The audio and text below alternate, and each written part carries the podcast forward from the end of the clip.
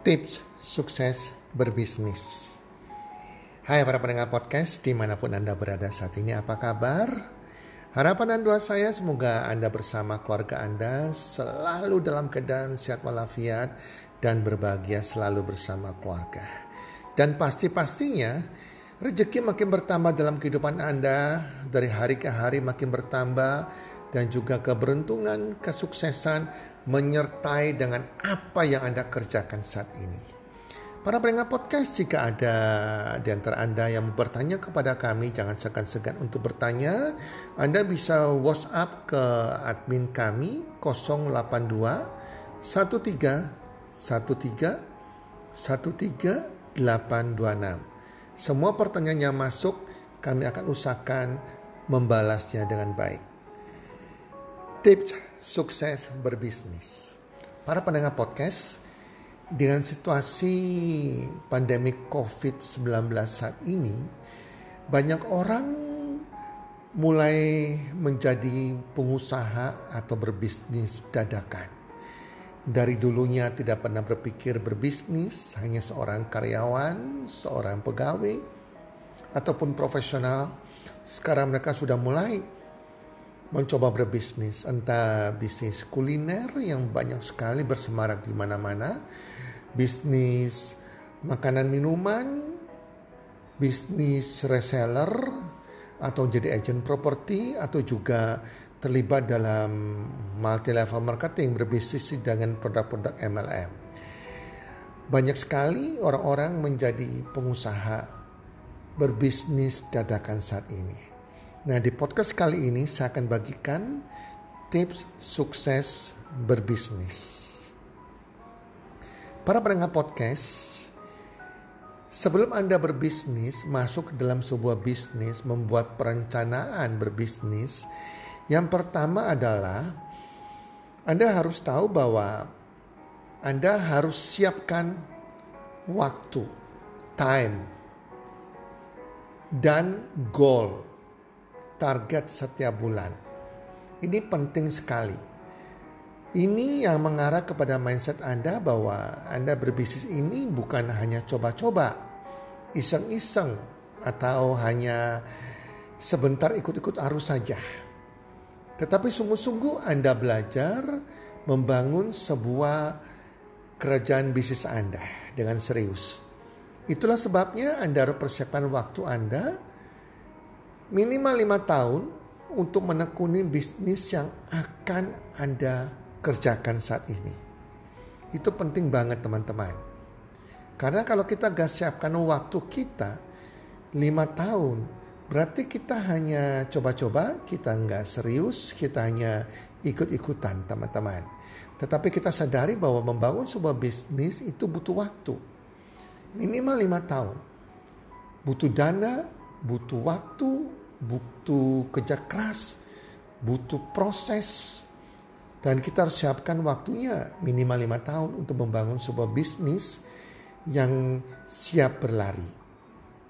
Yang kedua adalah goal, target. Jangan membangun sebuah bisnis tanpa adanya goal. Maka bisnis Anda tidak akan besar teman-teman. Berarti Anda nggak serius. Target Anda bisa buat dengan simple sebetulnya anda kata Anda membangun sebuah bisnis, entah Anda mau jualan apa pun Anda mau jual. Nah kalau dalam satu bulan omset Anda misalnya bisa mencapai 5 juta di bulan tersebut, maka goal Anda, target Anda di bulan berikutnya minimal harus bertahan 5 juta. Harus ada target minimal 5 juta. Jadi Anda mempertahankan apa yang sudah tercapai di bulan sebelumnya. Dan tambahkan pertambahan pertumbuhan minimal 10% lah. 10% sudah bagus. 10% kenaikan omsetnya dari bulan sebelumnya. Dan ini kalau Anda lakukan bulan berikutnya lagi Anda targetkan naik 10% dan seterusnya. Maka dalam waktu 10 bulan omset Anda sudah terjadi kenaikan 100%. Kalau omset naik 100% artinya keuntungan Anda juga naik 100%. Nah ini membuat sebuah bisnis dianggap serius. karena Anda sudah planning waktunya, tidak main-main, Anda akan menyisakan menyisakan waktu, tenaga, pikiran Anda selama lima tahun untuk membangun kerajaan bisnis Anda dan juga adanya target setiap bulan harus terjadi kenaikan. Minimal sama dengan bulan kemarin. Kalau tidak sama maka harus ada kenaikan 10%. Itu sudah bagus teman-teman. Jelas ya? Nah itu yang paling utama. Setelah itu kita masuk kepada hal-hal yang perlu sekali yang akan membuat bisnis Anda sukses dan berhasil. Yang pertama adalah produk. Semua bisnis pasti punya produk. Produknya apa sih yang mau kita pasarkan? Produk Anda ini apa? Produk ada dua, bisa berupa barang yang kita jual atau jasa jasa juga sebuah produk teman-teman. Nah kalau barang kita jual ya mungkin bisa barang ciptaan kreasi kita sendiri.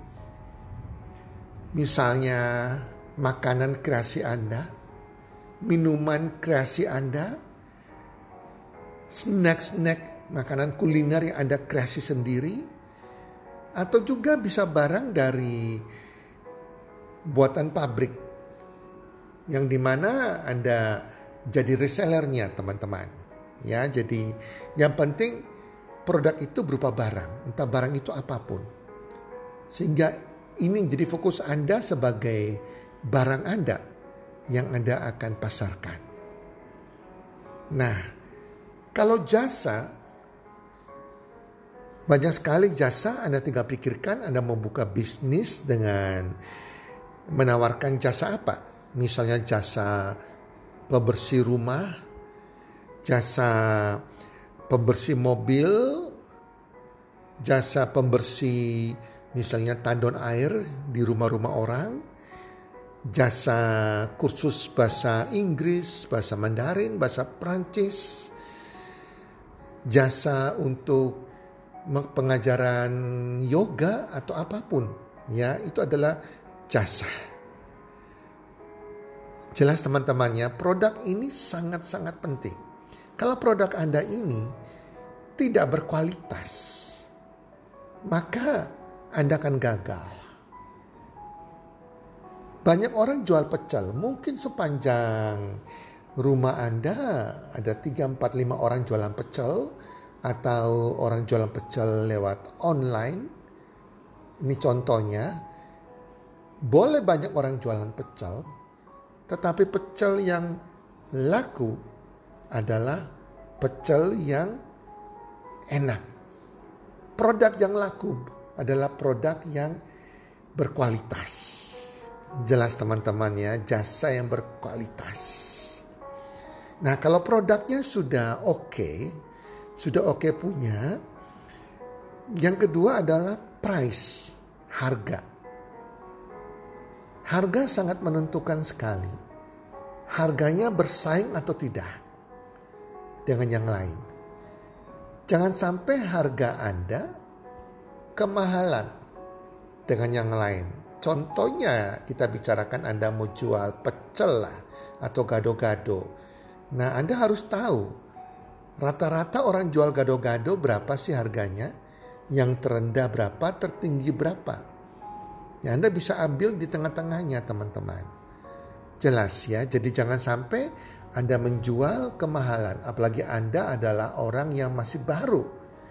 Masih mencari pembeli. Harga sangat menentukan. Nah, yang ketiga adalah promosi. Promosi ini sangat-sangat penting. Anda harus promosikan produk yang Anda jual, entah barang atau jasa Anda, apa pun itu produknya, maupun promosikan brand Anda, merek Anda. Banyak orang yang masuk berbisnis, dia hanya promosikan produknya, dia lupa promosikan mereknya, brandnya.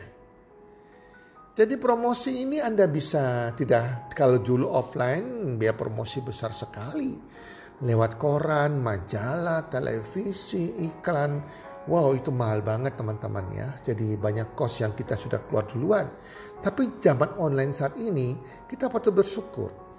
Promosinya boleh katakan bergratis hanya biaya uh, pulsa saja teman-teman. Anda bisa promosikan lewat Instagram, promosikan di YouTube, promosikan di sosial media yang lain. Apa pun itu sosial media Anda, di grup WhatsApp ya. Anda harus main promosi. Setiap hari Anda promosikan produk Anda. Minimal satu minggu tiga kali. Promosi, promosi. Yang dipromosikan adalah brand Anda, merek Anda, maupun produk Anda sehingga orang lebih kenal teman-teman. Jadi sebuah bisnis yang baru dibangun dua tahun pertama sampai lima tahun total lima tahun itu adalah anda promosi memperkenalkan produk Anda apa yang Anda jual termasuk juga dengan mereknya. Jangan lupa brandnya mereknya. Banyak orang jualan pecel misalnya, Nah kalau tidak ada merek yang jelas tentang merek Anda, pembeli Anda kan bingung mau beli pecel Anda tapi mereknya yang mana ya. Akhirnya mereka bisa lari beli pecel orang lain dengan merek lain. Ya jadi promosikan di Instagram, di sosial media, di WhatsApp grup ya merek Anda dan barang yang Anda jual. Ini penting banget ya. Promosi dilakukan bisa setiap hari bagus sekali atau seminggu minimal tiga kali. Kalau Anda tidak tahu berpromosi gimana sih mempromosi di Instagram atau di YouTube misalnya, teman-teman, Anda perlu belajar.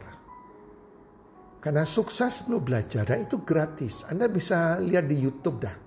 Di Google cari cara membuat Instagram, cara promosi di Instagram Nah, banyak sekali cara-cara diajarkan di sana secara gratis. Anda bisa belajar teman-teman ya. Oke. Yang keempat adalah penambah nilai. Penambah nilai adalah berikan nilai tambah kepada produk Anda. Jadi kalau kita bicara kalau produk kita dengan produk orang lain sama, sama harganya, sama rasa dan kualitas, sama enaknya. Nah akhirnya membedakan adalah nilai tambah. Yang sana penjual A punya nilai tambah tidak terhadap produknya. Kalau dia nggak ada sedangkan Anda punya, orang akan lari ke Anda. Nilai tambah ini sangat penting sekali teman-teman. Nilai tambah misalnya apa contohnya? Kalau contohnya misalnya Anda jual kuliner misalnya kue ya, kue kering, nastar nas lah. Nastar dan nas yang mungkin pada waktu Anda mengirim nastar dan nas, Anda bisa kasih nilai tambah dengan ucapan terima kasih. Walaupun hanya dengan ucapan terima kasih lewat kertas atau lewat kartu, itu sudah membuat nilai tambah. Anda menghargai kepada pembeli Anda. Atau juga Anda bisa berikan nilai tambah, Anda masukkan ke uh, toples kecil lah atau buat rangkaian kecil beberapa produk Anda yang yang lain. Anda kasih bonus. Bonus itu nilai tambah. Minimal juga Anda promosikan kalau dia beli master nenas, Anda bisa kasih testernya kecil sedikit lah nggak usah banyak lidah kucing Misalnya kue lidah kucing Anda buat itu sebagai sebagai penambah nilai tambah di samping ucapan terima kasih teman-teman ya. Dan juga packingnya juga rapi, cantik itu juga nilai tambah. Kebersihan segala macam itu semua adalah nilai tambah. Saya teringat sekali pada berapa belasan tahun yang lalu kami sekeluarga suka makan di restoran di Surabaya di Surabaya bagian utara yang namanya restoran Laupan. Chinese food dan bubur itu enak banget. Enak banget karena pertama sudah masakannya enak. Dia punya jumlah jumlah uh, porsinya, besaran porsi juga besar. Besar. Jadi Anda kalau beli makanan yang sama di Chinese food yang lain, harga yang sama, jelas laupan lebih enak, restoran ini lebih enak namanya laupan, kemudian porsi lebih besar teman-teman. Dan bukan itu saja, selesai makan mereka kasih nilai tambah. Setiap orang yang makan akan dikasih semangkuk puding. Dan pudingnya unik. Hanya mereka yang bisa buat sendiri dan pudingnya enak banget. Nah di situ itu nilai tambah. Dan itu membuat berkesan sehingga walaupun jauh di Surabaya Utara, kami selalu datang makan di sana teman-teman. Hampir setiap bulan. Dan akhirnya uh, restoran Lapan ini karena cukup punya nama akhirnya sudah diambil alih, dibeli sama orang lain, dibeli mereknya. Dan sekarang sudah ada di mana-mana di mall-mall di Surabaya. Tapi sayangnya nilai tambahnya sudah dihilangkan teman-teman ya sehingga kami juga sudah malas makan di sana. Ya teman-teman ya itu nilai tambah penting sekali. Nah contohnya ya kalau Anda misalnya membuka sebuah rumah makan lah, rumah makan offline ya jual nasi makanan Jawa antara rawon, pecel, ya nasi campur. Nah, satu gang ini ada ada tiga lah orang menjual makanan yang sama nasi campur, rawon, atau pecel. Kalau kita bicara asumsinya sama-sama enaknya, harga sama-sama bersaingnya, orang akan datang kepada restoran yang punya nilai tambah. Kalau Anda wise, bijaksana, restoran Anda itu bersaing, kasih nilai tambah misalnya apa? Kasih aqua galon. Setiap orang di sana bisa minum aqua galon gratis atau mendapatkan satu teh manis gratis atau bisa dikasih uh, tambah nasi gratis. Itu adalah nilai tambah yang membuat Anda beda dengan yang lain yang membuat Anda lebih unggul dari penjual yang lain. Nah, yang terakhir, oke, sebelum saya lupa, nilai tambah. Contohnya free ongkir, sama-sama jualan online, online. Yang satu ada free ongkirnya atau subsidi ongkir, yang lain tidak ada. Jelas kita akan belanja kepada orang yang harganya sudah sama atau lebih murah dan ada nilai tambahnya, free ongkir. Nah ini nilai tambah contohnya teman-teman. Nah, yang terakhir adalah pelanggan. Ini penentu sukses Anda. Pembeli dan pelanggan itu beda. Buyer and customer itu beda. Pembeli adalah orang yang hanya sekali belanja saja. Sehingga kalau di Surabaya sini sudah menjadi semacam apa ya kebiasaan kalau ada sebuah restoran buka atau toko kue buka, wow, satu dua tiga bulan pertama rame sekali. Nah teman-teman, yang rame ini adalah pembeli, pembeli-pembeli yang datang mencoba. Kalau pembeli ini tidak puas, mereka tidak datang lagi. Sehingga setelah bulan keempat, lima, enam, toko ini akan sepi. Rumah makan ini akan sepi tidak seperti pada waktu bulan-bulan pertama dia buka. Karena pembelinya sudah gak datang beli lagi teman-teman. Jelas teman-temannya, ke pembeli gak puas oleh pelayanannya, makanannya, harganya, gak ada nilai tambahnya, dia tidak akan datang. Nah, tetapi kalau tetap ramai terus, berarti yang datang sana adalah pelanggan atau customer. Pelanggan adalah pembeli yang puas sehingga dia melakukan pembelian kedua, ketiga dan seterusnya.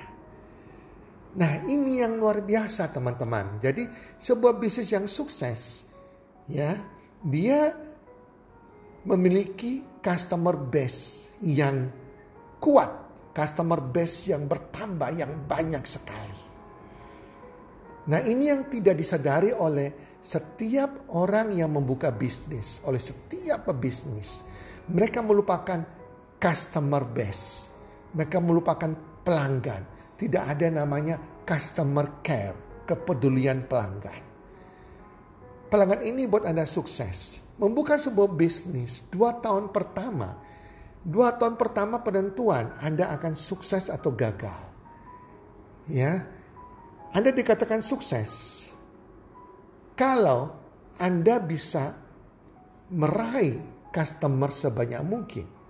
Jadi sebuah bisnis dua tahun pertama adalah bagaimana kita berpikir memiliki target mendapatkan pelanggan atau customer sebanyak mungkin. Bukan pembeli, tapi pelanggan.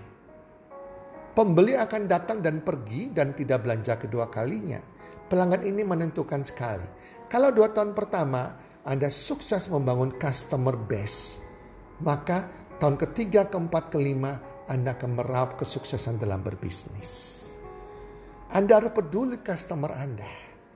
Orang sudah makan di sana atau masuk ke toko Anda belanja tertentu ya, toko offline online, minta nomor WhatsApp mereka. Kalau bisa Anda tahu lagi kapan tanggal lahir mereka. Untuk Anda peduli kepada mereka. Ucapkan selamat ulang tahun. Ya, walaupun hanya lewat ucapan lewat WhatsApp.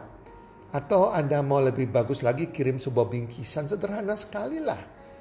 Itu sudah membuat mereka rasa Anda peduli sama mereka. Sehingga mereka akan peduli kepada Anda juga. Orang tidak akan peduli kepada kita, kepada produk Anda, kepada bisnis Anda. Kalau mereka, kalau Anda tidak peduli sama mereka duluan. Nah di situ Anda bisa tingkatkan pelanggan ini juga. Ya di mana ulang tahun mereka Anda berikan diskon tertentu. Anda lewat WhatsApp, Anda informasikan secara pribadi ke mereka. Ataupun lewat email teman-teman ya. Nah itu penting-penting banget sehingga pelanggan merasa diperhatikan. Nah berikutnya lagi, teman-teman kalau Anda juga bisa membuat pelanggan Anda ini menggait pembeli. Nah ini istilahnya customer get customer atau pelanggan bisa menggait pelanggan Anda. Anda bisa tawarkan ke mereka kalau mereka sudah setia menjadi pelanggan Anda, anda kasih semacam nomor kode unik setiap pelanggan berbeda.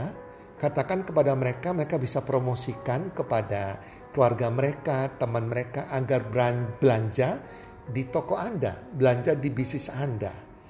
Dan setiap orang yang belanja karena Anda promosikan, ya ada kode tertentu yang setiap pelanggan Anda berikan kepada mereka, yang Anda promosikan, orang tersebut belanja kepada toko Anda, maka akan pembeli baru ini akan dapat diskon atau dapat hadiah. Ya Anda create sendirilah.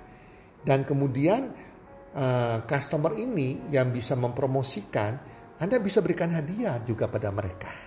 Anda create hadiahnya. Misalnya kalau ada lima orang yang akhirnya berbelanja karena dia promosikan dapat hadiah apa misalnya.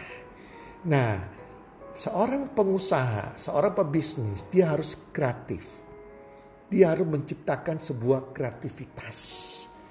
Ini yang dituntut oleh seorang pebisnis. Ide-ide yang kreatif. Bagaimana memperbesar bisnis mereka, memperbesar omset mereka, memperbesar jaringan pelanggan mereka. Nah, para pendengar podcast, itu adalah tips sukses berbisnis yang sangat simpel sekali dan ini kalau Anda lakukan, maka saya percaya bisnis Anda akan sukses bersaing dengan bisnis-bisnis yang lain. Dan Anda akan sukses dalam berbisnis.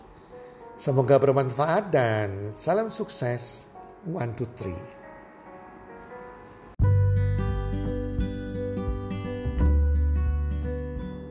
Terima kasih sudah mendengarkan podcast kami. Teman, jika Anda rasa bermanfaat, podcast kami ini, Anda bisa menginfokan kepada rekan kerja Anda, keluarga Anda, teman ataupun sahabat Anda.